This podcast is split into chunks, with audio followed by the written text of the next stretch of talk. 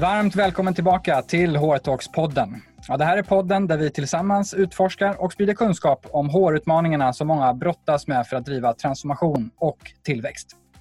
Här lyssnar du på skarpa samtal mellan mig, Tommy Kau, och olika företagsledare, HR-chefer och experter där vi är konkreta, öppna och går rakt på sak. Podden möjliggörs som alltid av vårt samarbete med Edge, det digitala HR-företaget som hjälper oss att ge dig som lyssnare kunskap och tips, rabatt på digitala produkter och ett extra långt kostnadsfritt prova på-erbjudande. Kika gärna mer på det och registrera dig snabbt på edgehr.se hrtalks. Ja, idag spelar vi in virtuellt från våra respektive hemmastudios med allt vad det innebär i form av lite förändrad ljudupplevelse. Men ni vet ju det nya mantrat vid det här laget. Ställ inte in, utan ställ om. Och det gör vi för fullt. I dagens avsnitt pratar vi om konsten att ställa om, nämligen till rätt fokus. Det blir ett specialavsnitt med anledning av coronapandemins påverkan på våra liv, yrkesliv och organisationer. Och det finns väl få saker som många av oss kämpar mer med än att just hålla fokus i dessa tider av osäkerhet, extra arbetsbelastning och för många ett mer eller mindre strukturerat hemarbete. Vi ska prata om vad fokus faktiskt är, det kanske oväntade receptet bakom att uppnå det och vad vi kan göra särskilt nu i coronatider för att bli mer fokuserade. Och hur ni som ledare och HR där ute kan underlätta för andra att uppnå fokus. Dagens gäst har byggt hela sin karriär på fokus och eh, har vid det här laget mer erfarenhet om detta eftertraktade ämne än kanske alla oss andra. Hon har varit idrottare på elitnivå, både civilt och militärt. Hon är världsmästare i precisionsskytte, officer och har i sann fokusanda tackat nej till Mästarnas mästare hela sex gånger. Hon har tidigare varit chef för Europakontoret inom International Military Sports Council och varit anställd vid Försvarshögskolan i Stockholm. Idag är hon rådgivare, föreläsare, skribent, TEDx-talare och författare till boken Konsten att fokusera och tveklöst en av Sveriges främsta experter på just fokus. Hon heter Kristina Bengtsson och nu drar vi igång dagens skarpa samtal.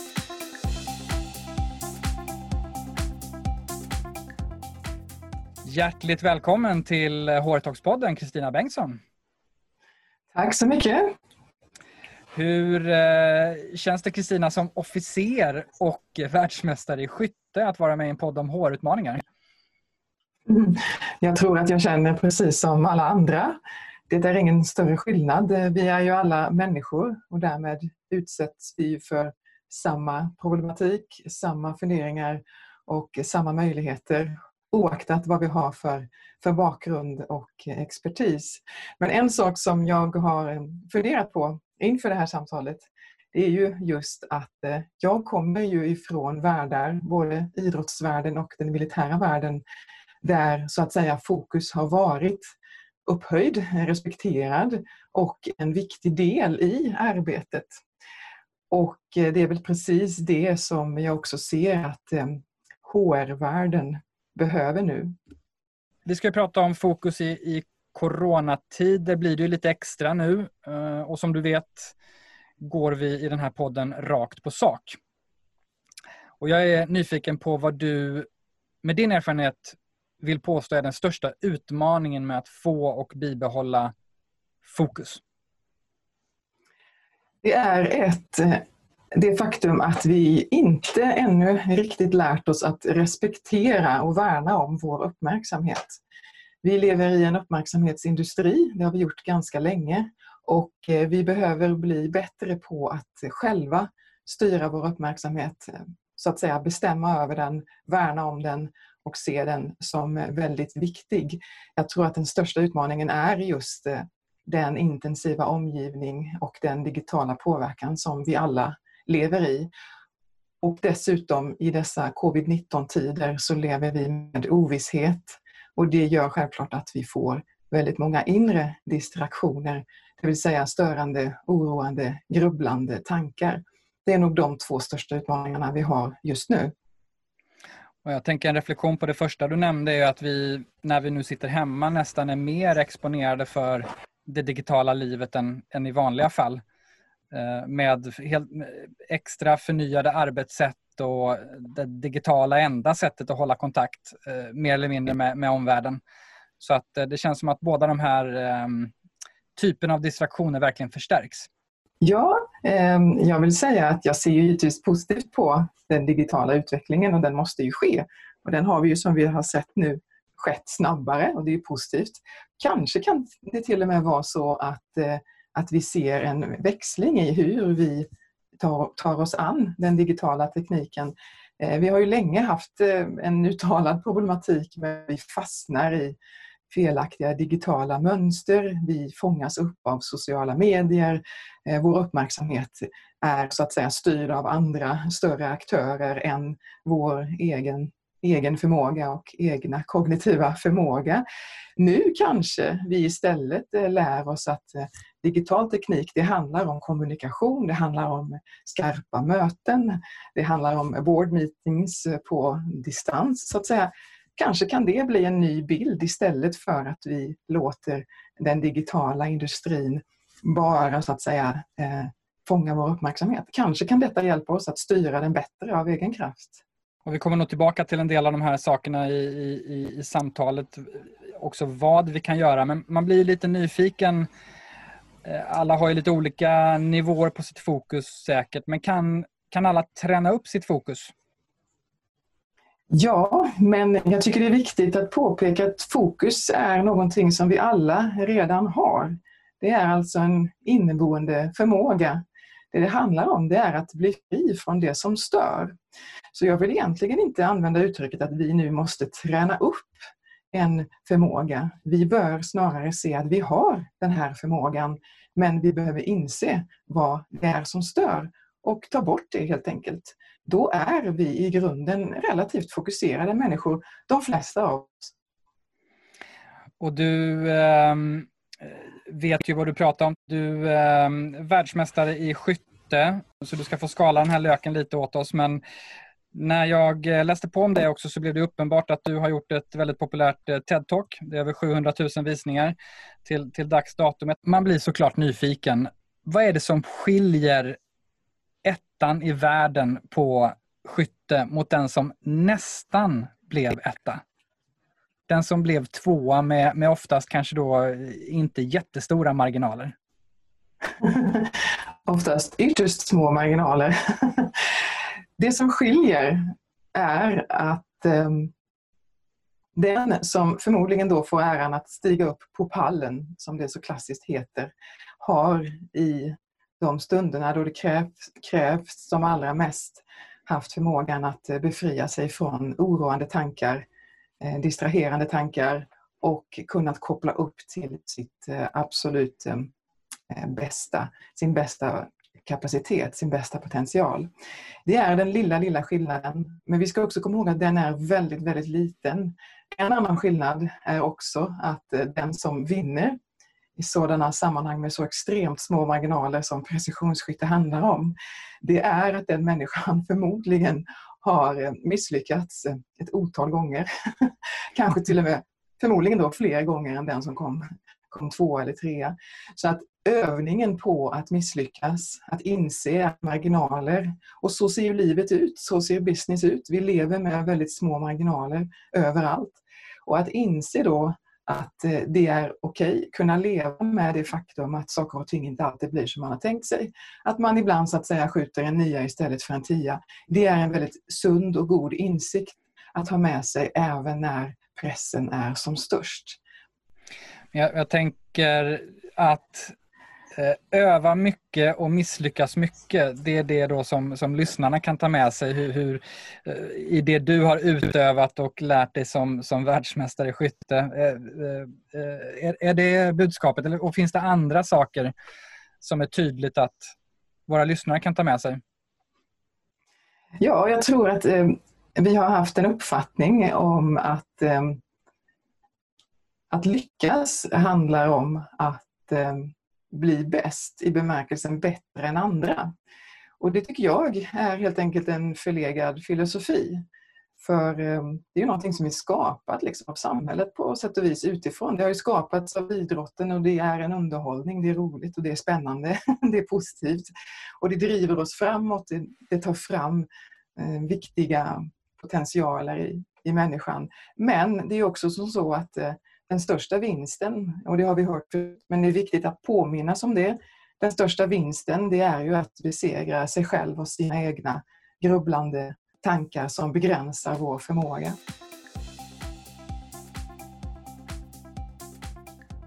Det finns mycket man kan göra som lyssnare tror jag och, inspireras av från hur, hur du har um, jobbat. Men, men, en sak som man funderar på såklart, nu, är vi ju, nu pratar vi om um, fokus på världsmästarnivå såklart och, och, där är ju inte alla som lyssnar, inte än i alla fall kanske.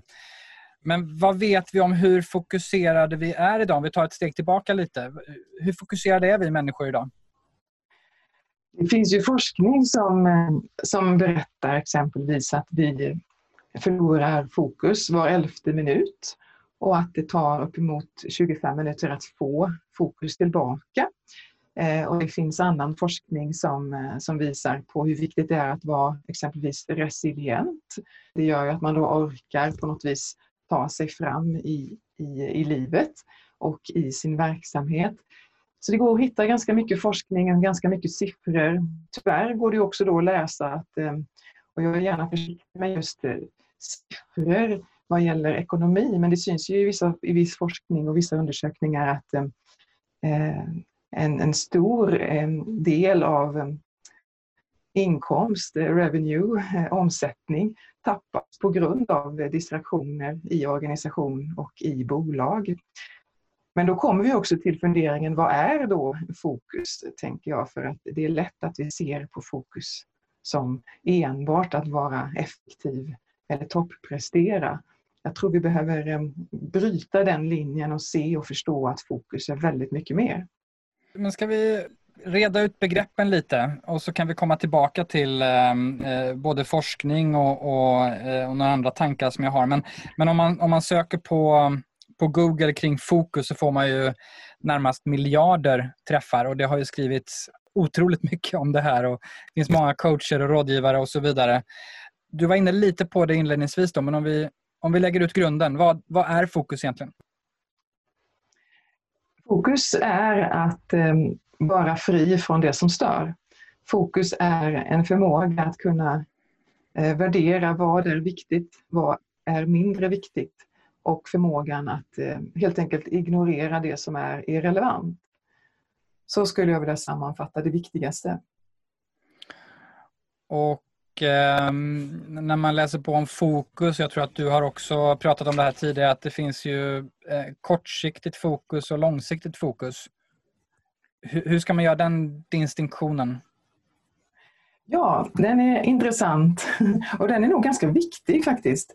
Eh, jag tror att vi lätt ser fokus som att enbart ehm, sträva mot ett mål till exempel.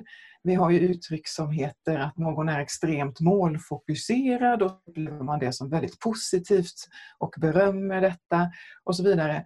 Och sen så finns det en annan kategori som talar om fokus mer i ett eh, eh, meditativt perspektiv och då handlar det ju verkligen om närvaro här och nu. Och jag tror att vi behöver förstå skillnaden och vi behöver förstå att det hänger ihop. Eh, bästa exemplet från min sida det är ju egentligen eh, att jag plockar in er lyssnare i en skyttematch och eh, låter er tänka att ni ska skjuta 60 skott under en period av låt säga två timmar. Om du då i skott 58 så att säga, eller skott 13, spelar ingen roll, men låt säga att pressen ökar i slutändan. Om du då börjar tänka på målet och börjar jaga efter och drömma om hur det ska se ut när du står på prispallen, ja då blir du så splittrad så att du till och med skjuter sönder inredningen. alltså är det viktigt att förstå att skärpa här och nu i bemärkelsen att vara fullt fokuserad på den uppgift du ska utföra, det vill säga fri från distraktioner, fullt uppmärksam på det som ska göras och på din egna kapacitet och förmåga i relation till detta. Lyckas du med det i vardagen så att säga, i det lilla, ja då når du också längre fram och kanske till och med når de visioner som du har i förlängningen, enkelt uttryckt. Och här känns det som en ganska stark motsättning i, du var inne på det, men i vår ja, i, i världen just nu och i både vår vardag och vår yrkesvardag. För mig har någonstans fokus ofta handlat om att bestämma sig för vad man vill var man vill uppnå den där prispallen egentligen. Men egentligen slutmålet som du är inne på. Det är mycket så våra organisationer också fungerar. Vi ska hitåt, vi har vision, vi har mål. Om du gör den här karriärtrappan så kommer du till den här positionen eh, och så vidare. Ehm, och, och, och, och sen fokuserar man på att ta sig dit. Man har det målet hela tiden framför sig. Eh, men det låter lite som att du tycker att det där är, det stämmer inte, eller det är fel. Eh, mål och visioner är viktiga. Drömmar är minst lika viktiga. Så de där tre delarna eh, bör vi ju ha med. Det driver oss och det driver folk och kanske vår grupp eller vår organisation framåt. Men särskilt idag, eh, covid-19-krisen är ju ett tydligt exempel på att väldigt många verks verksamheter och individer hamnar ju i ett läge där målen inte ser likadana ut längre. I vissa fall har de ju helt försvunnit och i vissa andra fall så är man så låst på den här målbilden för man är så van vid att vara så driven mot en målbild att väldigt många människor idag, och jag ser det även i bolag, helt enkelt, helt enkelt inte vågar ändra målbilden. Och då blir, då blir det ju ett jagande mot eh, någonting som egentligen inte ens finns. Och då är vi ju väldigt långt ute ur fokus. Så jag vill liksom kamma hem, eh, återta förmågan till fokus hos människor och plocka in den eh, i bemärkelsen, vad kan du idag? Vad är du bra på? Vilka kapaciteter har du? Vilka resurser har du eller organisationen? Och utgå därifrån och bli skicklig på att göra rätt saker just nu Istället för att försöka skapa massa motivation i att nu ska vi nå dit hen vi sa från början. Här är ingenting som, som stör oss utan vi kämpar på, vi kämpar vidare. Ja, det är positivt men jag kallar inte det för eh, den allra bästa fokusen, snarare en besatthet. Och det där måste ju vara eh, knepigt tänker jag. Nu har vi många lyssnare som, som lyssnar och befinner sig i den här verkligheten att man ska engagera och motivera, eller engagera i alla fall sina organisationer, Eh, se till att vi ändå har någonting att blicka på där framme i den osäkra tiden. Eh, och, och det, det, finns ju en enorm motsättning i det här ändå. Men eh, att hitta engagemang i nuet och fokusera mer på det man har här och nu. Något som förvisso många har andra förutsättningar att göra nu för att det kanske är lättare att, att lägga tid och energi där. Ja, en sak som jag tycker är väldigt spännande i detta, det är ju, eh, om jag får lov att säga, min egna analys hemma från min kammare just nu för tillfället, eh, i, eller på hur olika nationer och människor nu eh, möts med samma bild av fokus. Jag har kunnat se tidigare exempelvis att de flesta som sökte min kunskap tidigare, alltså före covid-19-krisen, Eh, det var ju ofta i bemärkelsen, låt säga en eh, företagsledare från Washington som eh, kontaktar mig och verkligen uttrycker liksom Dear madam, please help me. Och så vill människan öka sin in, eh, omsättning ytterligare och vill framförallt bli ännu mer effektiv mellan kanske klockan 9 och klockan 11. Dear madam, please help me. och sen så hade jag kanske eh, eh, några andra ifrån Burma med ungefär samma drivkraft och sen så fanns det från ett annat håll ungefär samma bild av att nu måste vi höra av oss till Ghostbuster, Kristina Bengtsson, vi har tappat fokus. Och så pratade man ofta om det på ett sätt som innefattar då topprestation när det verkligen gäller och att vara effektiv under dagen och skapa struktur för en effektiv dag. Men nu, nu ser jag en skillnad och då blir jag väldigt glad. Då ser jag skillnaden att många människor, och vi pratar i ett globalt perspektiv, många människor och företagsledare upplever jag nu, eh, och jag kan inte komma med ett annat exempel än att eh, berätta hur de hör av sig till mig. Och det är ju då att nu söker de lite djupare perspektiv. De har i vissa fall insett värdet av att eh, reflektera att omvärdera och att eh, värdera med tydlighet eh, vad är eh, alltså så att säga vår kärna, vår eh, unikhet i ett bolag exempelvis, men också som människor. Vad är vår identitet och särskilt våra värderingar? För när målbilden blir diffus, och det är den ju även om den för vissa bolag och människor kan vara tydlig fortsatt så har ju omvärlden ändrats rejält. Alltså är det en diffus eh, framtid som vi ändå möter. Eh, och då kan ju önskan av att försöka få den stabil och tydlig bli så stark. Men då är det så viktigt, upplever jag, att man återtar fokus i bemärkelsen att eh, hitta sin så att säga, inre kärna och stå fast vid de värderingar man har. Vad är det egentligen vi gör? Varför gör vi detta? För lyckas man hitta självkänsla och kraft i det, ja då står man ju lättare ut med att det ändrar sig där borta i framtiden. Men jag tror att vi länge har vant oss vid att, att vi lägger självkänsla och självförtroende och inre driv mot dit vi skall istället för att hitta den i det som är nu.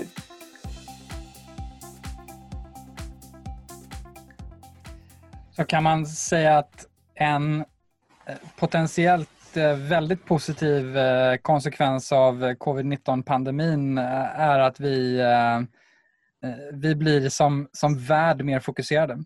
Det kan vara ett världsunikt experiment på att öka vårt fokus om vi gör det på rätt sätt, på det sätt du beskriver. Ja, det låter ju väldigt positivt och jag vill ju göra tummen upp för detta. Jag märker denna trend och ehm, jag tycker nog att det är dags att vi liksom step up, som det heter, i, i detta. Kanske är det så om vi tittar på, jag nämnde ju tidigare uppmärksamhetsindustrin som har påverkat oss väldigt mycket och fortfarande gör, kommer göra fortsatt, det är ju en business det också, att vi kanske lite väl länge har levt i en period som ehm, varit väldigt ofokuserad, som präglats väldigt mycket utav extrem effektivitet, väldigt mycket fokus på att hela tiden göra nytt och göra bättre. Eh, väldigt eh, fylld av eh, tidsbrist. Väldigt mycket quick fix. Väldigt mycket fragmenterade uppgifter som folk flackar emellan. Och här tror jag och hoppas på att eh, vi kan se i den här perioden när vi befinner oss i någon form av lite av en paus eh, men faktiskt också en kris, att vi tydligare lägger märke till eh, vikten av att eh, framförallt välja bort, säga nej, återta den egna kognitiva kontrollen. Och här kan man ju säga att vi i de här specialavsnitten som jag haft hittills kopplat till, till covid-19 och corona har spanat lite kring hur sannolikt eller osannolikt är det att det vi upplever nu är lite mer av ett nytt normalläge. Och eh, jag har flera gånger själv ehm, eh, sagt att min, min egna övertygelse är att det här är under överskådlig tid i alla fall det nya normalläget. Vi kommer jobba hemifrån, det kommer vara saker som är pausade, vi kommer att se massa förändringar som, som blir bestående på, på medelkort sikt om man säger så. Så att det, det förstärker ju bara behovet av att göra det du, eh, det du resonerar kring. Ja, Fokus är ju lite grann av att helt enkelt renodla och skapa kvalitet istället för en massiv ostrukturerad eh, kvantitet. Och här tror jag faktiskt eh, den här tillvaron som vi hamnat i nu kan, kan hjälpa med det, i alla fall i ett, i ett större perspektiv. Kanske inte för den enskilde som drabbas hårt, men i ett större perspektiv. Det låter ju hemskt att säga, jag hittar inget bättre uttryck, men att det helt enkelt rensar ut lite grann av det som är irrelevant. Mm. Tidigare var ju allt möjligt och folk jagade efter tusentals möjligheter. Och det låter ju positivt men det är ganska ansträngande för människan att, att leva i en tillvaro med, med tusen möjligheter. Särskilt för yngre människor, tror jag. Eh, det är vad jag har sett i mitt arbete. Folk mår väl någonstans av att få höra att eh, det är okej okay att eh, välja bort. Och här tvingas vi ju välja bort Ehm, att det är okej okay med begränsningar, tänker jag. Och eh, vi, vi, har pratat ända sedan den här podden började om förmågan att säga nej. Och den, eh, den får vi per automatik nu. ja, och jag tror att man ska våga lägga märke till det. Eh, lägga märke till vilken effekt det ger på ett, på ett inre, på ett djupare plan.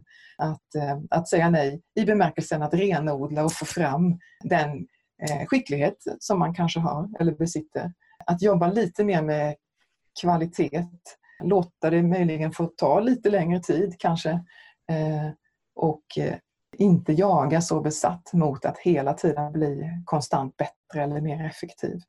Men eh, det är ju en hel global marknad som, som styr detta också, eh, varav jag är en liten del. Men eh, det är väldigt roligt att se att eh, jag kommer att ha ett webbinar för business-skolor i Brasilien, 80 stycken på en gång och det blir ju liksom 15 000 personer som lyssnar, kanske beroende på tolk eller icke-tolk. Och jag trodde kanske att de, när de hörde av sig till mig, att nu vill de också ha, precis som tidigare, hur kan de bli ännu mer effektiva och hur kan de eh, ta ännu mer mark ännu snabbare och hur kan de prestera på topp? Men nej, det är inte det de vill ha. De tog kontakt och sa we want your deepness. we want your deeper values. We need to understand now where are we in this crisis? What will the new future look like?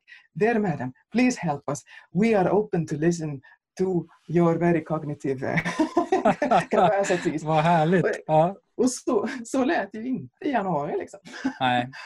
Jag tänker mycket på det han eh, också nämnde, det här med att man får miljarder med, Google-träffar när man söker på fokus. Och väldigt mycket hjälp till självhjälp, men, men tips och sju vägar till framgång och fokusreceptet 1, 2, 3 och så vidare, om jag raljerar lite grann.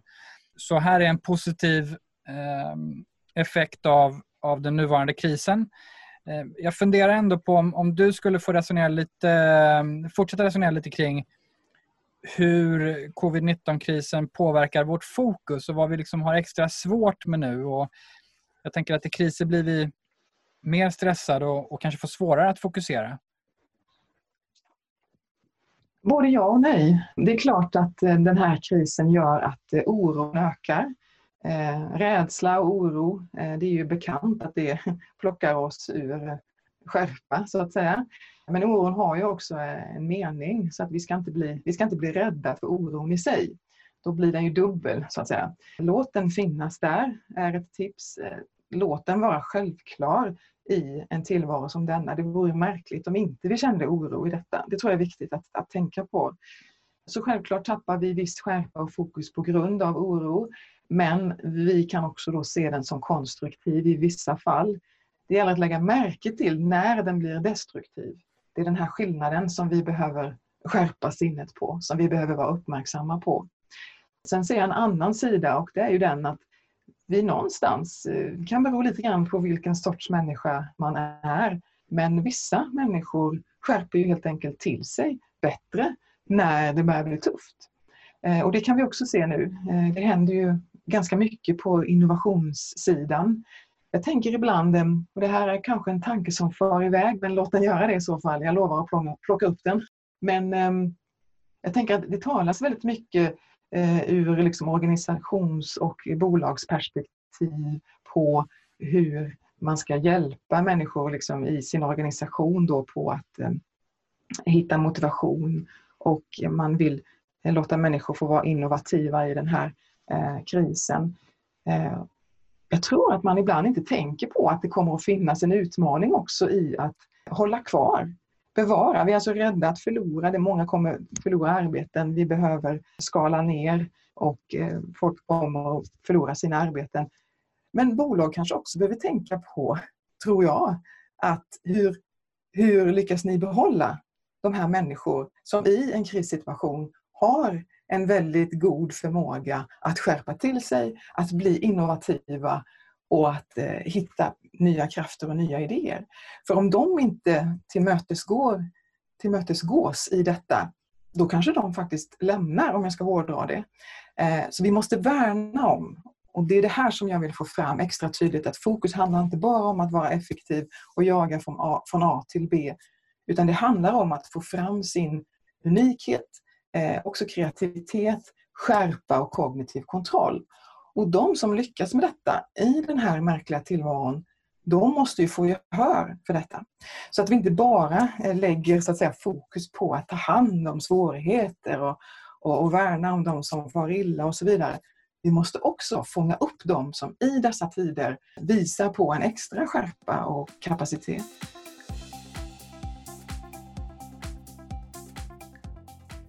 Superintressant perspektiv, för det handlar ju om att nu har, om jag eh, tolkar det rätt då, så är vi nu i en period där var och en av oss har möjlighet att bli eh, extra mycket så att säga vårt bästa jag.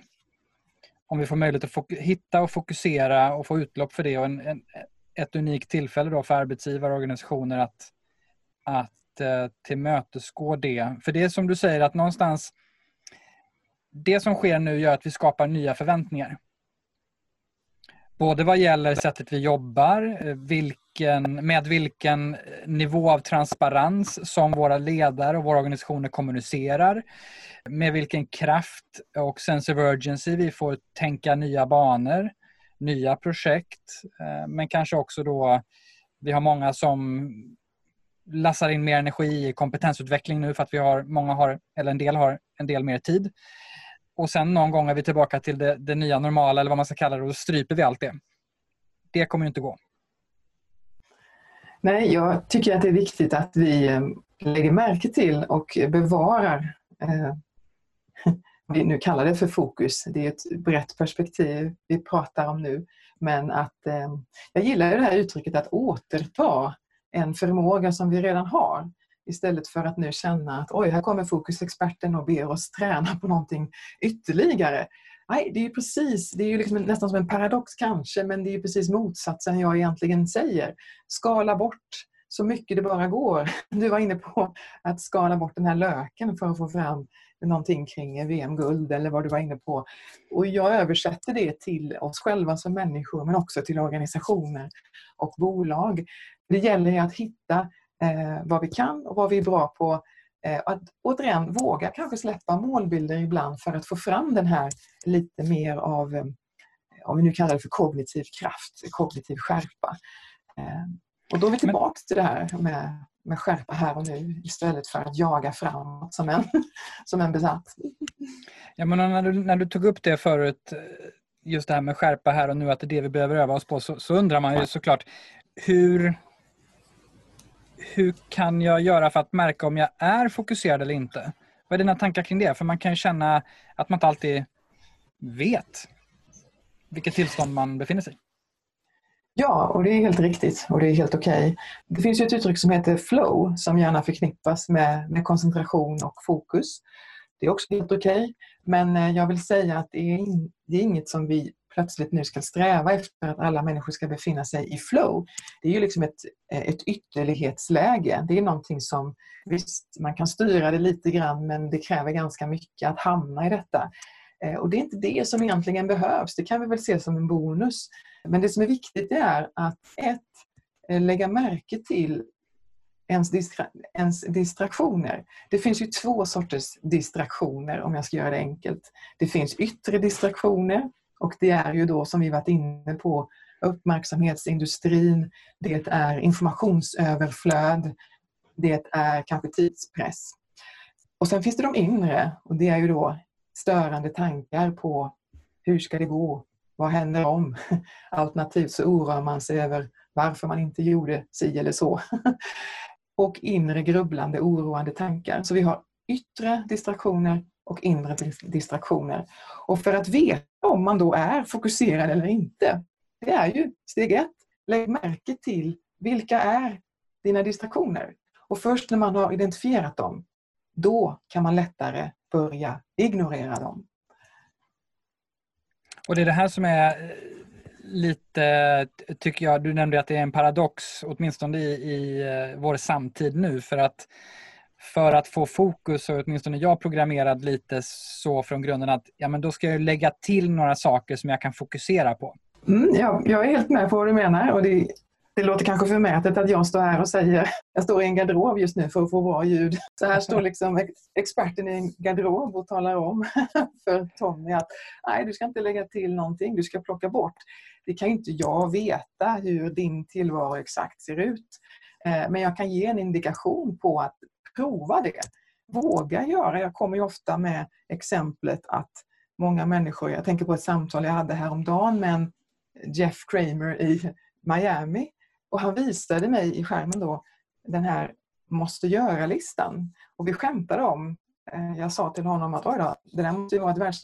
ligger på världsrekordnivå. Den var ju så lång så att han liksom bläddrade i evighet. Och det är ganska intressant för det är så för väldigt många utav oss och har varit väldigt länge och mailboxar som fyller på hela tiden med olästa mejl.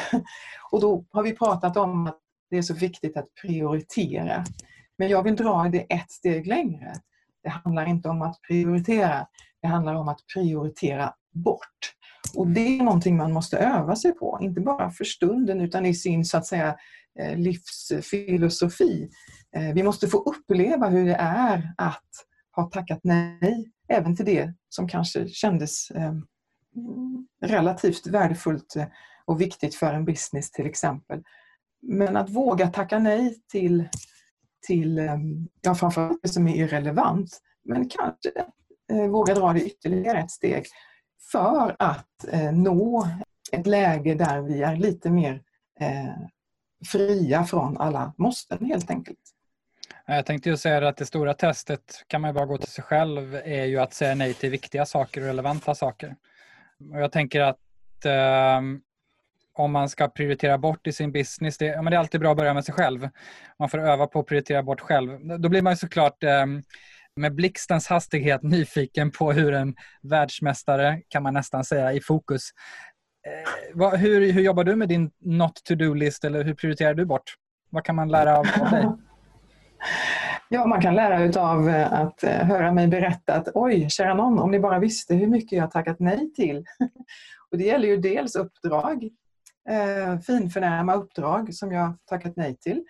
Och då kan man ju undra, och jag får väldigt många sådana frågor, varför i hela friden tackar du nej till den och den möjligheten? Ja, och det är ju en PR-strategi såklart, så det är säkert många lyssnare som, som förstår, eller så har de något att säga emot detta.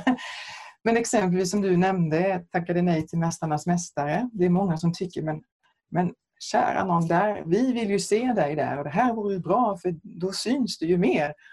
Och Det är ett väldigt bra exempel. Varför behöver jag synas mer? Mitt mål är ju inte att bli en kändis. Mitt mål är ju inte att plötsligt synas i den stora massan. Mitt mål är inte att eh, få enormt många uppdrag inom idrottsvärlden. Eh, mitt mål är inte att sitta i alla tv-soffor som är möjligt. Mitt mål är att kunna fungera klokt, lugnt och sansat i den tillvaro som jag har. Och jag lever ju också i ett särskilt sätt där jag av naturliga skäl har tvingats säga nej. Jag har en, en son som är sju år och han är autist. Jag insåg väldigt tidigt att han behöver mig mer än väntat, så att säga. Okej, okay, tänk om, tänk nytt. Men känn ingenting eh, negativt i det, utan det är ett ypperligt exempel att våga välja det som är viktigt genom att då välja bort. Jag behövde helt enkelt vara med honom väldigt, väldigt mycket. Alltså kunde jag inte resa jorden runt. Och det har gått ganska bra för mig ändå. Just det.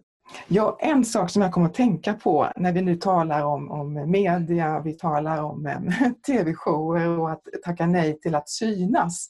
Här finns en intressant koppling, tycker jag. Jag känner att jag blir entusiasmerad nu. Jag ser så eh, många som nu eh, kämpar för att synas digitalt. Vi har ju liksom en, en, en, en, period nu där det har nästan blivit ett, redan nu ett etablerat uttryck av att nu gäller det att inte bli bortglömd. Det beror på vilken verksamhet man har såklart, men kanske för småföretagare eh, i stort, men även andra kanske att nu gäller det minsann att synas, det gäller att eh, ombilda det här och köra webinars och så vidare istället. Det viktiga är att synas och att inte bli bortglömd. Och då kan jag som fokusexpert reagera eftersom jag vet att vi tappar gärna fokus just för att vi så länge har levt i en period där vi vant oss vid och hittat självkänsla i att, i att synas och få respons utifrån. Alltså vårt jagande efter uppmärksamhet eh, utifrån plockar ju fokus ifrån oss själva och det som är viktigt. Och detta måste vi markera. Vi måste berätta det för oss själva och för dem vi har nära omkring oss. Att nej, jag tror inte det kommer vara särskilt många människor som blir bortglömda i detta. Särskilt inte i businessvärlden om du förstår vad jag menar. Jag vill tacka vår samarbetspartner, digitala hårföretaget Edge.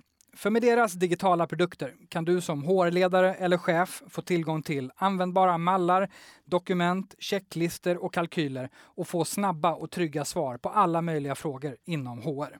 Allt i syfte att förenkla och effektivisera ditt HR-arbete så att du kan frigöra viktig tid.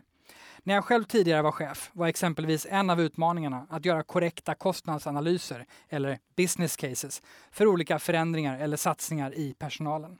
Det kunde vara allt från investeringar i hälsa och kultur till beräkningar för både nyanställningar och omorganisationer. I Edge produkter finns det flera riktigt bra beräkningsmodeller som jag skulle haft stor nytta av då. Så missa inte att gå in och kika på Edge produkter som nu via HR-talks-podden kan fås med 15 rabatt eller testas i två veckor helt kostnadsfritt. Så kika direkt på edgehr.se hrtalks. Ja, det här är verkligen en tanke att reflektera kring för det har ju fullkomligt exploderat de senaste två månaderna i digitala events, webbinarier, olika saker och eh, det här drivs ju såklart, du var inne lite på det tidigare, men jag tänker på ordet rädsla. Rädslan att glömmas bort, rädslan att bli irrelevant, rädslan att inte synas. Eh, det är delvis en faktor som styr beteendeekonomin eller vad man ska kalla det. Vad, vad tänker du kring det? Jo, den är väldigt påtaglig eh, och det som du beskriver, rädslan har ju en väldigt stor kraft. Det är ju också en etablerad kunskap att eh, jag tycker om att beskriva det på ett sådant sätt att om man tittar på hjärnan ur ett eh, evolutionärt perspektiv så har vi ju reptilhjärnan långt tillbaka i tiden så att säga. Ur den utvecklas vårt emotionella system, det limbiska systemet. Eh, och ur det så utvecklas vårt intellekt, alltså neocortex, med allt vad den är kapabel till att göra. Det betyder att ju äldre en hjärndel är, desto större påverkan har den ju på övriga delar av hjärnan. Och det är precis det som händer nu, att våra känslor så många gånger nästintill, väldigt enkelt uttryckt, eh, kringgår vårt intellekt. Och jag tror många gånger att det räcker att vara medveten om detta. Eh, för då kanske vi har en god förmåga att lägga märke till vad, vad är det egentligen man är rädd för? Eh, och visar det sig då att man är rädd för att bli bortglömd, eh, varifrån kommer då den rädslan? Vad händer om du blir bortglömd? Alltså så får man gå vidare och jobba vidare och då känner jag att då, får, då tar vi in en neuropsykolog och en en eh, psykoterapeut eh, efter mig så att inte jag går in på allt för djupa eh, reflektioner. Absolut, det kan vi göra. Vi har haft några i, i podden hittills. Jag tänkte på en annan sak nu när du började prata om rädsla. Det är att du inledde med att, beskriva skillnaden mellan tvåan i världen och ettan i världen på precisionsskytte och att det handlar, troligt, en del handlar om att ettan har misslyckats oftare jag, jag tänker att som guldmedaljör så måste du väl vara otroligt rädd för att misslyckas. 58 skottet som du säger. Ursäkta att jag skrattar. Eh, ja, det är klart. Men nej, jag får lust att säga att nej, när du har gjort det där ett tusental gånger, då har du också lärt dig att det var inte så farligt att misslyckas. Och det, det är det som är en poäng i sammanhanget jag kommer ihåg från min idrottssatsning att jag till en början tyckte att det här är ju såklart väldigt viktigt. Jag presenterade mig som att hej, jag heter, jag heter Bengtsson. Jag har bestämt mig för att bli bäst i världen på det här. Ja, bra. Så tyckte folk att jag var fantastisk för jag hade sån extrem målbild och så vidare. Och då tänkte jag att hon kommer nog lyckas minsann för hon har sån extrem målbild och hon verkar så självsäker. Men i själva verket så tror jag att jag hade kanske lyckats nu slog jag ju till med VM-guld efter bara sju och ett halvt år. Det är ganska bra egentligen. Men vad är det som säger att jag inte hade kunnat slå till efter bara fem år om jag hade varit lite mer sansad i mina uttryck med att tala om att jag gör det här för att bli bäst i världen. För det som händer då det är att jag, jag är så otroligt långt ifrån i början Eh, målet är så långt ifrån min kapacitet. Och vad händer då? Jo, det är klart att jag blir så nervös inför varenda 58, 59 och 60 skott. Att jag blev så nervös att jag liksom darrade och hela vapnet skakade. Och det är ju inte särskilt positivt i, i skyttesporten så att säga. Nej, just det. Det är väldigt små marginaler. Eh, mm. Jag, jag, jag, tror att du, eh, när man läste på så, så uh, har jag funnit fram att du har någonstans 15 års träning och 25 000 träningstimmar och massa förluster och såklart en hel del vinster. Men, men det är det som krävs.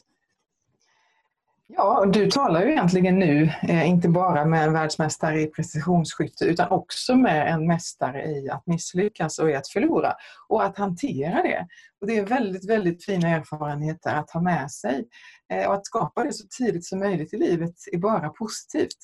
Sen ska man inte sträva efter att utsätta sig för så mycket galenskaper att man konstant misslyckas. misslyckas. Det är inte positivt.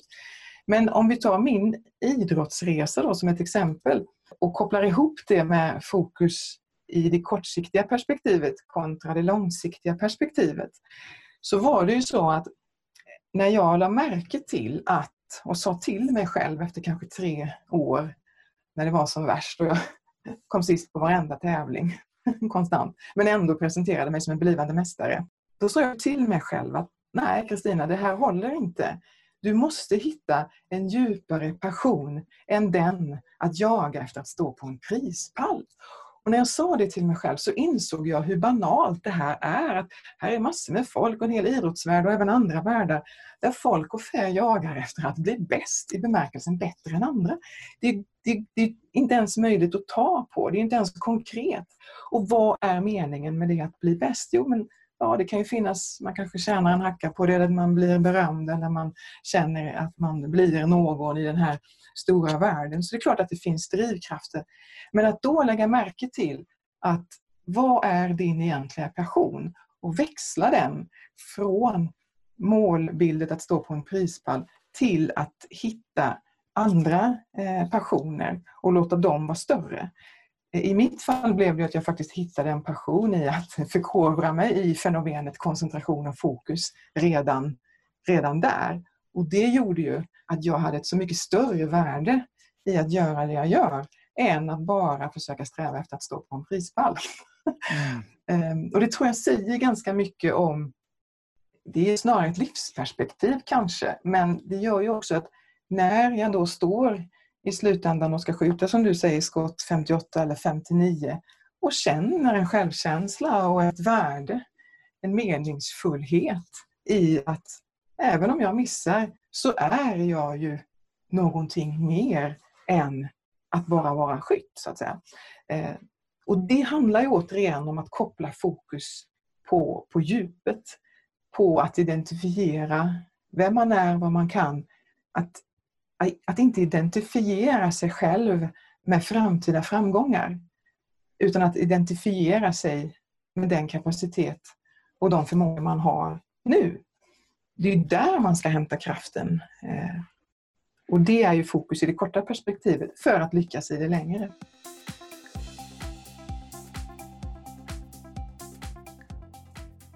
Ja, här får lyssnarna tror jag, mycket att fundera på. Eller det, det, det, en reflektion verkligen det är att vi fokuserar så otroligt mycket på att vara bra i framtiden. Och summerar jag det du säger så handlar det mycket mer om att fokusera på att vara bra nu. Och eh, se till att göra ett riktigt bra jobb nu så kommer det andra eh, att komma. Och det här är ju något som det sitter så djupt rotat känns det som, också i våra HR-processer, vårt ledarskap och så vidare. Men det du säger nu är egentligen, eh, jag tänker på ordet självledarskap i sin renaste form. Men, men det man kan säga också är att det här är ju saker som är väldigt djupt rotade, både i våra eh, oss som människor men också i professioner, eh, alltså processer, hur vi styr och riggar våra bolag. Mm. Ehm, så att här finns det mycket att, att fundera på. Då låter det lite som, jag kommer att tänka på en lyssnarfråga vi, vi har fått in som, som du ska få reflektera kring eh, eller, eller svara på. Som, um, som också poppade till i huvudet. Vi har en lyssnarfråga från Helena Sjöberg som är HR-direktör på Microsoft i Sverige. Och hon frågar, finns det någon forskning på om yngre slash äldre har lättare för att fokusera?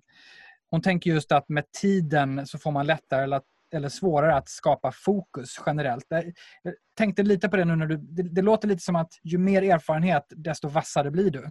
Vad vet vi om det här? Ja, um... jag har inte själv gjort någon metaforskning på detta men jag kollade faktiskt upp det. Hej Helena Sjöberg, tack för frågan, mycket briljant. Jag har kikat på det och det intressanta är att det är klart att det finns forskning på detta men inte så så att jag direkt hittar det i, i mina arkiv så att säga. Det tror jag beror på att forskning eh, gärna är i det ena röret eller i det andra rö röret. När det gäller fokus i bemärkelsen i ett livsperspektiv eller i ett organisationsperspektiv så krävs ju väldigt många olika forskningar och väldigt många olika ämnen som liksom slås ihop. Det närmsta i det här man kan komma tror jag är att eh, eh, lyssna på och sätta sig in mer i det som heter eh, agile, agile eh, forskning. Eh, den tar ju ett grepp om, om människan på ett väldigt fint sätt tycker jag. En annan sak eh, i detta som jag reflekterar kring det är eh, vikten av att eh, lyssna på de äldre. Jag tänkte på det nu och nu kanske mina tankar far iväg men det tror jag är positivt i de flesta fall. att jag läste någon artikel nu precis bara att många äldre nu i isolering blir eh, ledsna, ensamma och deprimerade. Kanske var det så även tidigare men om inte annat så märks det ännu mer nu. Ehm, och här kommer jag att tänka på att ja, den där reflektionen var ju väldigt intressant. För lyssnar vi nu, jag har en pappa som är 90 år. De fick mig ganska sent så det är inte så att jag är 65 liksom.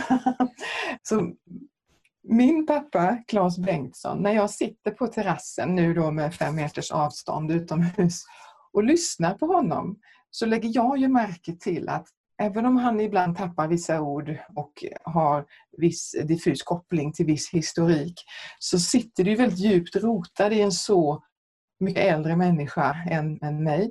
Eh, hans minnen av perioden i efterkrigstiden då det var svårt, då allting inte fanns, då allting inte var tillgängligt då man fick till och med i mat, eh, vad heter det, mat, eh, ranson. Ja. Eh, och jag kan inte värdera, jag levde inte då så jag kan inte uttrycka mig hur det egentligen var men jag ser ju kopplingen. Här ser man ju vilken otrolig eh, erfarenhet vi skulle kunna lära oss av genom att nu i den här tiden som vi har hamnat i lyssna mer på de riktigt, riktigt gamla för de som minns tror jag kan lära oss väldigt, väldigt mycket. Och det hänger väl ihop med förmågan till fokus i, i det här längre perspektivet. Att, att klara av att liksom kamma hem den egentliga förmågan, den egentliga kapaciteten och bli skicklig på att ignorera och klara av att inte förvänta sig massa saker hela tiden. Så för att sammanfatta eh, Helenas eh, fråga så kika på forskningen kring agile, agile och ehm, var förmodligen helt uppriktigt ehm, medveten om att ja, så är det. Eh, livserfarenhet hjälper oss att bli, att bli skärpta. Man blir lite nyfiken såklart på, du, du som har eh, tävlat och vunnit på elitnivå och, och eh, du är officer och så vidare. N när, när, efter hur lång tid tyckte du att ah, men nu är jag duktig på fokus? Nu, nu har jag övat mig till en nivå som jag är ganska nöjd med. Då får du ringa mig om, om 20 år. Så jag tror inte det finns någon, någon definitiv känsla för när man är Eh, tillräckligt eh, fokuserad. En sak som jag tycker är, är viktig i sammanhanget det är ju också och det tror jag kan vara en hjälp för människor att få höra det från en per definition då, eh, mästare. Det är ju att eh, hur skulle tillvaron se ut om vi, om vi aldrig hade några distraktioner? Jag menar, det är ju inte möjligt. Det är ju som att leva med att vara, vad skulle man kunna slå till med? Kanske att vara konstant förälskad förälskad. Men vad är det för mening med det om inte du har förmåga att hantera ett äktenskap över tid? Så att vi måste ju bjuda in distraktioner, vi måste bjuda in rädslor, vi måste acceptera passivitet i detta. Eh, men konstruktivt, lugnt och sansat lägga märke till när det blir och går till överkant eller går till, till överdrift. Eh, men annars skulle jag säga, för att vara konkret, eh, svara på din fråga. Efter tio år som precisionsskytt så visste jag, då förstod jag att jag var extremt skicklig på fokus. Men vet du varför jag förstod det? Nej. Det var ju för att jag slutade jag lämnade ju liksom skyttebanan kan man säga efter ja, ungefär 10-13 år eller 15 kanske det var. Eh, och det var ju först då när jag mötte den andra världen, den så att säga verkligheten eller, eller eh, businessvärlden. Det var först då jag, jag förstod att oj, och det var egentligen genom att titta på andra att ojsan, jaha, man är, man är visst inte riktigt lika fokuserad i de här världarna. Just det. Just det. det blev tydligt, dimensionerna. Ja, faktiskt. Eh, och då fick jag ännu mer inspiration att, att vilja så att säga, hjälpa till att sprida den kunskap eh, jag har. Så att förmågan till fokus handlar ju mycket i, då, i relation till, till andra. Men jag tror att om man känner eh, sig lugn, sansad, upplever att man har det som jag tycker om att kalla för kognitiv kontroll. Eh, upplever att man i viss bemärkelse, i viss mån kan säga nej till, eh, till ehm, distraktioner och att man upplever sig hyfsat duktig på att eh, våga säga nej. Då har man kommit en bra bit på väg.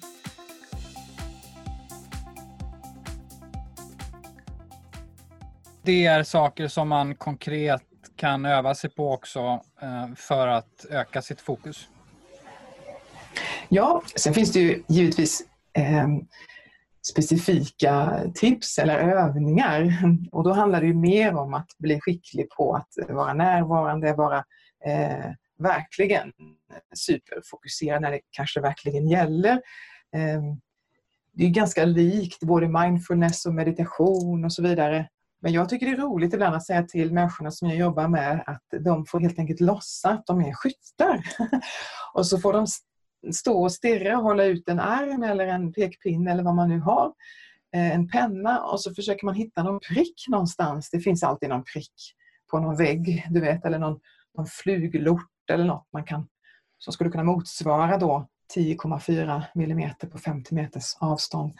Och så stå och hålla eh, den pennan riktad mot den här punkten och då ser man ju hur svårt det är.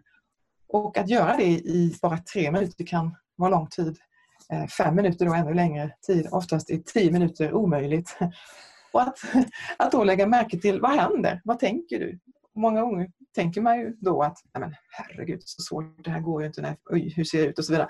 Och då lägger man märke till vad är det som poppar upp snabbast i hjärnan? Jo, det är ju faktiskt eh, oftast eh, oroande eh, tankar kring eh, eh, att man inte är god nog. Rädsla att eh, misslyckas, att inte lyckas hålla den i tre minuter eller, eller vad det nu kan vara. Att oroa sig över vad andra ska tycka och tänka och tro att man är mycket sämre än alla andra. Ja, men, vi ska skicka med mer konkreta tips. Det vill vi jättegärna göra. Eh, du var inne lite på det här eh, innan vi kommer dit bara på, på businessvärlden, alltså organisationsperspektivet. Eh, och du var inne på att det finns en del forskning som pekar på hur fokus påverkar våra resultat. Men, men vad är det man ofta vill uppnå när man plockar in dig så att säga, eller hör av sig till dig? Vad är det man önskar sig för resultat och, och för fokushjälp? Om man uttrycker sig så. Ja, om man har kommit så pass långt så att man inte längre eh, enbart bara vill ha en massa tips på hur man kan bli mer effektiv under en dag. Det kan man ju fixa via appar och sådär förslagsvis istället. Det man då eh, får så att säga är eh, strategier för hur man ännu bättre kan alltså, stärka sin identitet, eh, kanske ett bolags inre eh, verkliga värderingar, att våga stå fast vid dem även om det blåser så att säga.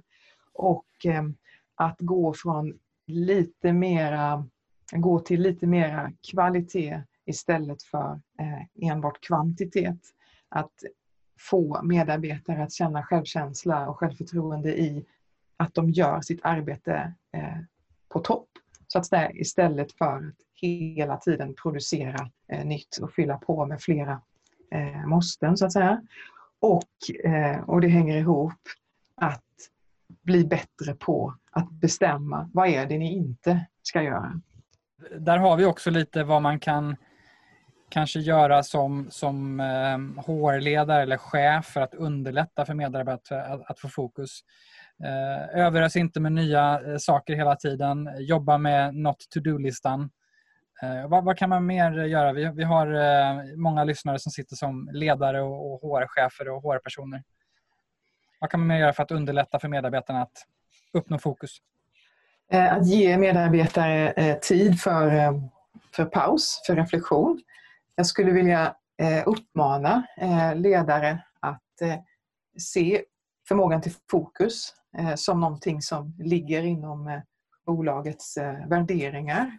Att plocka in det som en viktig faktor och att ehm, berömma, stödja människor i sin förmåga till att vara koncentrerade och inte bara se till hur skickliga de är på att, att skapa resultat.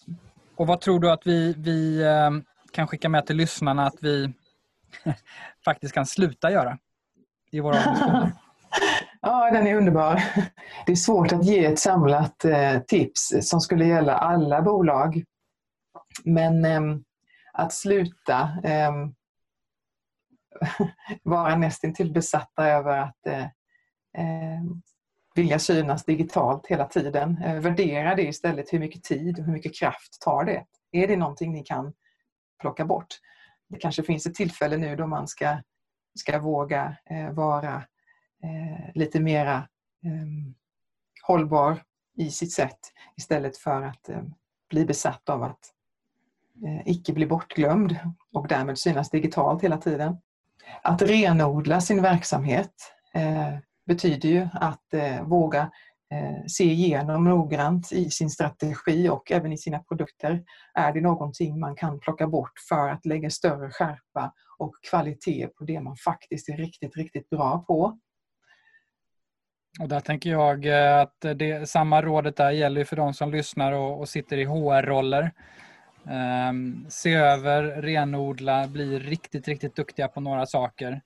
Eh, eh, och, eller möjliggör att organisationen blir riktigt duktiga på vissa saker. Ja, det handlar om att, att våga bli unik faktiskt. Och det har ju varit så eh, sedan länge tillbaka men vi, vi måste vara noggranna med att se att nu när allting sker digitalt så är vi ju ganska många miljarder som på sätt och vis matas med samma information och därmed också riktas i samma riktning. Och därför blir den egna identiteten väldigt, väldigt viktig och att värna om den. Det är väldigt viktigt, både som individ och som eh, bolag. Ytterligare små tips eh, är ju, eh, och de är inte så små egentligen, men att, att Eh, ta bort administrativt eh, tjafs eh, om det går att snäppa upp ytterligare att eh, våga plocka bort en del eh, överflödiga möten. Det tror jag vi kan lära oss nu i, i de möten vi har digitalt, att det går att vara ganska snabb och effektiv. Att plocka bort irrelevant brus, irrelevant tyckande. Just nu går det åt väldigt mycket tankar på huruvida exempelvis eh, den svenska, strategin var rätt eller inte.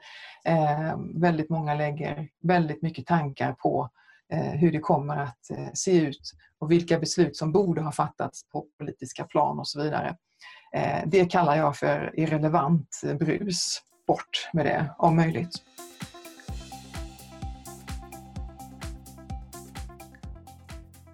Och vi är inne på hur man kan konkret kan, kan göra. En sak jag reflekterade kring tidigare och som återkommer i vårt samtal till mig i alla fall, det är just det här med självledarskap. Och och eh, förmågan att ta individuellt ansvar. Vad vill du skicka med om vad var och en av oss kan göra för att ta mer ansvar att vara fokuserad, om du håller med? Ja, det är jättebra. Eh, tänk så här, det har varit så väldigt länge nu att var vi än går, vad vi än gör, så är det något eller någon, ofta en digital plattform, som vill fånga vår uppmärksamhet. Lägg då märke till att uppmärksamheten, den är din, den är din egen, du ska värna om den, du äger ansvaret över den.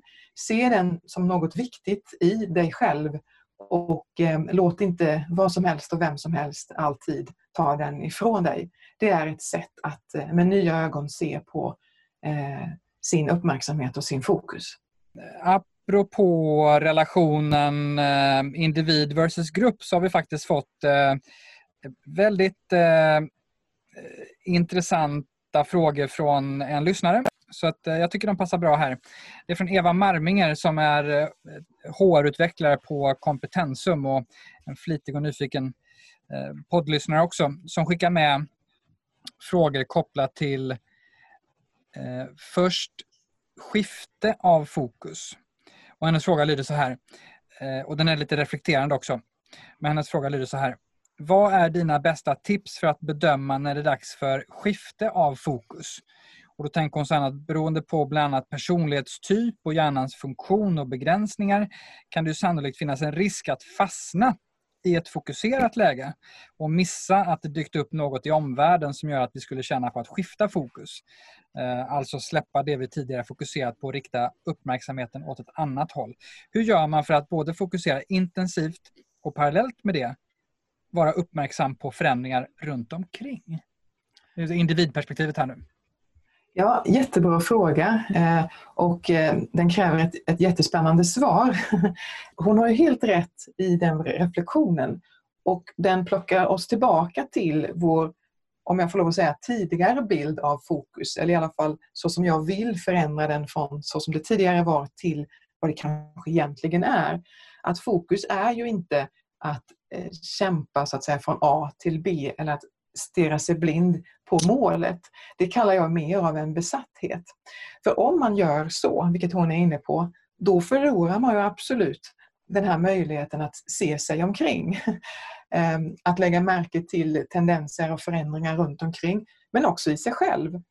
Så är man för låst på målet, så ja, man kanske når dit hen, men man har förlorat väldigt mycket på vägen dit. Men nu kan man väl säga att de som har varit mer besatta av målen och inte lika receptiv för omvärlden måste ju ha det extra tufft nu. För nu behöver du verkligen vara eh, receptiv och eh, kunna rikta om uppmärksamheten. Ja, exakt. Och det gör ju att människor ehm, faktiskt kan bli eh, väldigt ledsna eh, över den tillvaro som, som finns nu. Och det är inget konstigt i det. Men det finns ju eh, finns ju eh, exempel som visar på att, att den kategorin av människor, om jag använder ett allmänt uttryck, som är extremt drivna, eh, jobbar väldigt mycket med peak performance och kanske har eh, ett stort behov av att bli per definition då bäst eller nå sin målbild. Att det är inte alltid så att de är de mest glada eller mest lyckliga Eh, eller mest sansade människor. Ett toppexempel är ju en, en god vän jag har i Indien som tog OS-guld i just skytte för några år sedan.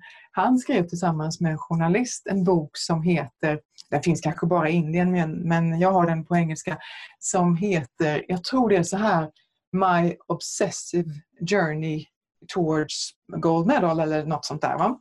Han är då den första indien eh, som överhuvudtaget tar ett OS-guld. Så det är en massiv eh, eh, uppgift han har klarat av. Men han som då hade från början alla förutsättningar utifrån Indiens perspektiv men också väldigt goda möjligheter och var en lycklig, stabil, kognitivt välfungerande människa. Han tar OS-guld men han, och det här har vi sett i andra sammanhang också, Eh, han eh, är inte glad. Och är du inte glad, ja då har du inte förmåga att liksom få igång endorfiner i hjärnan, dopamin försvinner, eh, för att göra en koppling till, till hjärnforskning och hur hjärnan fungerar. Och då har du inte heller ett kreativt sinne, då har du inte förmåga att se längre än näsan räcker, så att säga. Då minskar liksom din omgivning och din förmåga att eh, se både ditt egna värde och att vara tacksam för det som finns omkring dig. Och så vill vi, så vill vi ju inte ha det. Väldigt bra exempel och, och jag tycker uttömmande, härligt bra svar till, till Eva. Eh, man kan konstatera att hon är eh, spot on i, i, i, sin fråga, också skiftet i hur vi ser på förändring. Det här var individperspektivet lite mer. Jag, jag går raskt vidare till Evas andra fråga.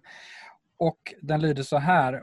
Hon undrar om du har ett tips på hur vi kollektivt i team kan använda oss av individers upptränade förmåga att hålla fokus.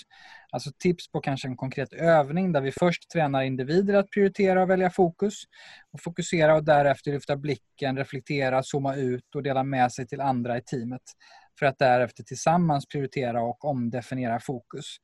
Eh, hon medger att det är en luddig fråga men hon är lite ute efter pendlingen mellan ett strikt individuellt fokus på en uppgift eller fråga och att tillsammans träna på att fokusera på ett gemensamt mål. Ehm, och undrar om du har några konkreta tillvägagångssätt ehm, att använda där på, på individuell och även kollektiv eh, nivå. Vad är, vad är dina tankar kring den frågan? Mm. Det är också en mycket härlig fråga. Eh, jag kommer att tänka på när jag i en artikel använde uttrycket att eh, vi behövde gå från kollektiv ofokus till en enad fokus. Och då handlade det om eh, covid-19 perspektivet och eh, var ganska starkt kopplat till att många människor då fastnar eh, framför nyhetsflöden och blir nervösa och splittrade och nästan till arga på varandra istället för att vi ser att vi har något gemensamt att, att kämpa för. Så det var ett, ett vidare perspektiv, men det kopplar ihop till, till hennes fråga. En sak som jag tror är viktig, det är att vi ska veta om att fokus så att säga smittar. um, inte så till den grad så att uh, med, med spegelneuroner och så att om man gäspar så gäspar de andra.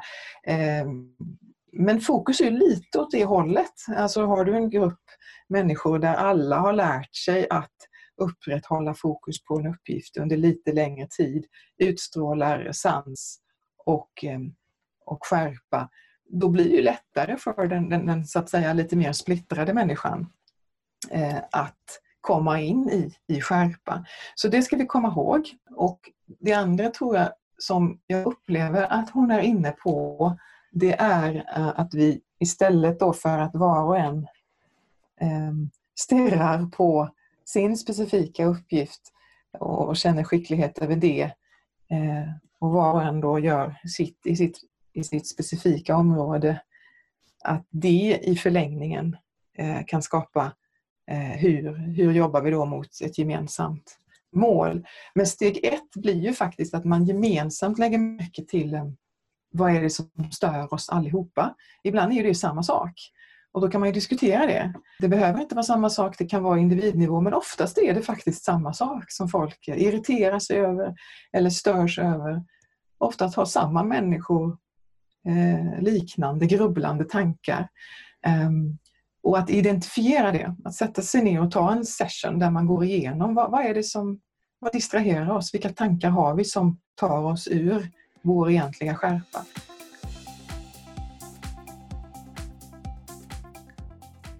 Jag tänker att nu är ju ett tillfälle, kanske extra bra tillfälle för ganska många för att frågan är lite under lupp ändå nu fler ställer sig frågan, okej okay, hörni, vad funkar? Jobba hemifrån, vad funkar inte?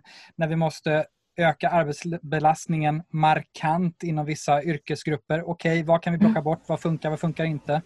Mm. Eh, även i organisationer där man kanske inte historiskt har haft högt i tak så att säga. Ehm, men upp med det på bordet och nu är ett ypperligt tillfälle att, att slänga upp dem. Mm.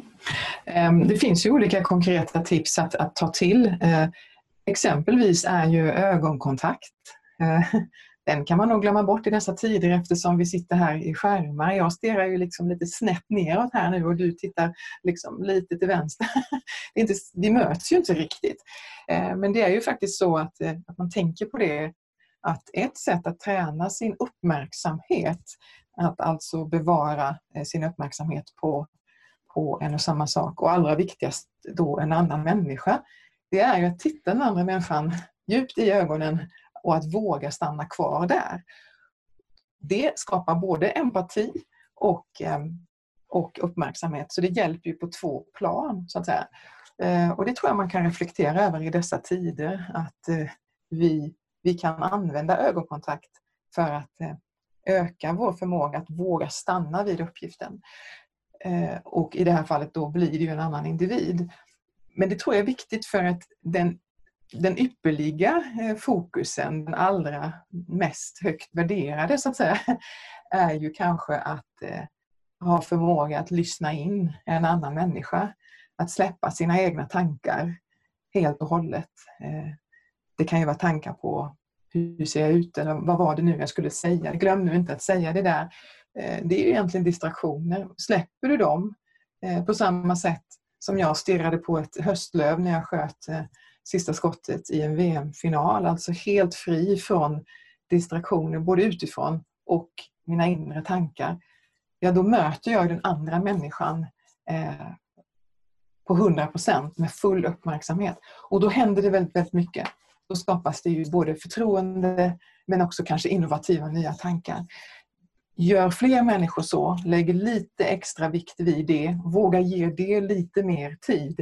Då kanske vi kan nå en mera enad fokus i det stora hela.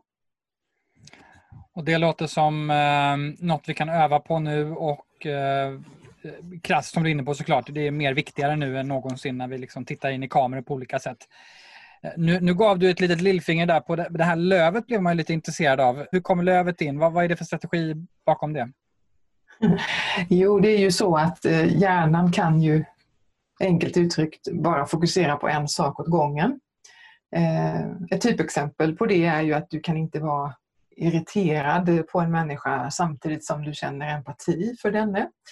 Eh, du kan inte tänka en massa oroande tankar på hur någonting skall gå eh, och samtidigt vara fokuserad på uppgiften här och nu. Eh, och likadant i en VM-final så är det svårt att, så att säga, träffa pricken i mitten om jag samtidigt tänker, vilket jag absolut gjorde, herregud, det här kommer gå åt helsike. Alltså, nu förlorar jag igen, usch vad pinsamt. Och nej, gud, jag missar tavlan. Och nej, nu kommer jag sist igen. um, då krävs ju en strategi för att bli, bli fri från alla dessa fåniga tankar. Och då lade jag märke till att om jag vågar släppa det här jagandet efter att nu måste du fokusera, nu måste du skärpa dig, nu gäller det minsann att träffa, nu måste du vinna. För det är ju liksom irrelevanta tankar när det krävs en väldig skärpa. Att jag då istället tittade på, jag lade märke till och hittade ett litet höstlöv som vippade i vinden och pressen ligger ju på här och tiden tickar så att säga. Men jag, jag vågar titta på höstlövet, jag vågar ge det tid. Jag ger det min fulla uppmärksamhet. Och sen lyfter jag upp vapnet igen, siktar och med så att säga, bilden av lövet i hjärnan så avfyrar jag skottet och träffar mitt i prick och vinner VM-guld. Men det är inte så märkvärdigt egentligen. Det som händer här det är ju helt enkelt att jag väljer en neutral tanke eh, som inte skapar varken eh, stora känslor eller nervösa tankar och låter den få vara dominant eh, samtidigt som jag då utför någonting som jag tränar på i, i, i flera tusentals timmar. Lövet ska vi ta med oss allihopa. En uppmaning och ett tips till lyssnarna att fokus, hitta ditt löv. Kristina, vi ska börja runda av med några slutgiltiga summerande tips. Om du skulle kunna ge tips på en sak att göra bra för att uppnå fokus. Vad skulle du vilja summera då? Bestäm vad det är du inte måste göra. Idag, imorgon och i, i det längre perspektivet. Det är bra. Fokusera på vad du inte behöver göra. Not to do-listan. Vi vill gärna skicka med några tips också på, på saker att läsa eller övningar som du var inne på tidigare. Eh, som man kan ta till sig för att bli mer fokuserade. Du har ju såklart din egen bok, Konsten att fokusera eller The Art of Focus. Eh, och eh, den kan man läsa. Vad, vad tänker du mer att man kan göra? Vill man höra mer om Kristina Bengtsson så kan man ju kika på en Youtube-kanal som jag har. Som jag egentligen precis har eh, satt upp. Ehm, man kan gå in på en liten länk och hitta en minikurs bara för att höra mina tankar och reflektioner eh, en gång till, så att säga lite mer komprimerade. Och där delar jag också med mig av eh, eh, några sådana här arbetsblad där man kan få hjälp att börja rikta sina tankar mot skillnaden på automatisk uppmärksamhet och kontrollerad uppmärksamhet. En form av strategi för att lägga märke till eh, eh, vad man behöver göra för att i slutändan nå fokus i, i det längre perspektivet. En form av um, fail and safe plan. Vi skickar med länkar på det, så där, där har vi lite att göra när vi är klara med att lyssna på, på det här avsnittet. Eh, superbra eh, tips. Men om vi ska avrunda och skicka med ditt sista och kanske viktigaste medskick till lyssnarna på, på dagens tema om, om fokus. Om du får den möjligheten, vad, vad vill du säga till lyssnarna? Eh, fokus är någonting som eh, vi redan har. Det är ingenting vi behöver skapa eller träna oss till egentligen. Det är någonting vi redan har, någonting vi redan besitter. Det det handlar om det är att eh, ta bort det som stör. Och jag vill också säga att eh, våga plocka in fokus som eh, ett värdefullt verktyg i organisationer och i alla former av sammanhang. Värdera fokus och din egen eh, förmåga till uppmärksamhet. För den är viktig, särskilt eh, just nu. Och glöm inte att empati har en koppling till fokus. Och det behöver vi verkligen. Stort tack för det medskicket och eh, stort tack Kristina Bengtsson för att du ville vara med oss i detta specialavsnitt av HR-talks-podden. Jag måste säga att det varit extremt lärorikt och Eh, jag eh, har mycket verktyg för att gå hem och inte träna på att vara fokuserad då, utan på snarare renodla för att nå fokus. Stort tack! Tack, tack. Ja, det var ännu ett skarpt samtal i HR-talks-podden. Stort, stort tack till dig som tagit dig tid att lyssna. Och gillar du podden får du ju hemskt gärna prenumerera på den och betygsätta den i Apple Podcast eller Spotify. Följ oss det kan du göra på HR-talks-podden på Instagram och LinkedIn. Och jag vill passa på att tacka vår samarbetspartner digitala HR-företaget Edge som ju är med oss varje vecka och möjliggör att vi kan utforska och sprida kunskap via den här podden. Kolla gärna in deras rabatter och prova på erbjudande på deras digitala produkter på edgehr.se hrtalks. HR-talks-podden ges ut av Kao Company, produceras av Mediemera och du hittar all info på hrtalks.se. Nästa vecka kommer ett nytt färskt avsnitt. Tills dess, ha det bra!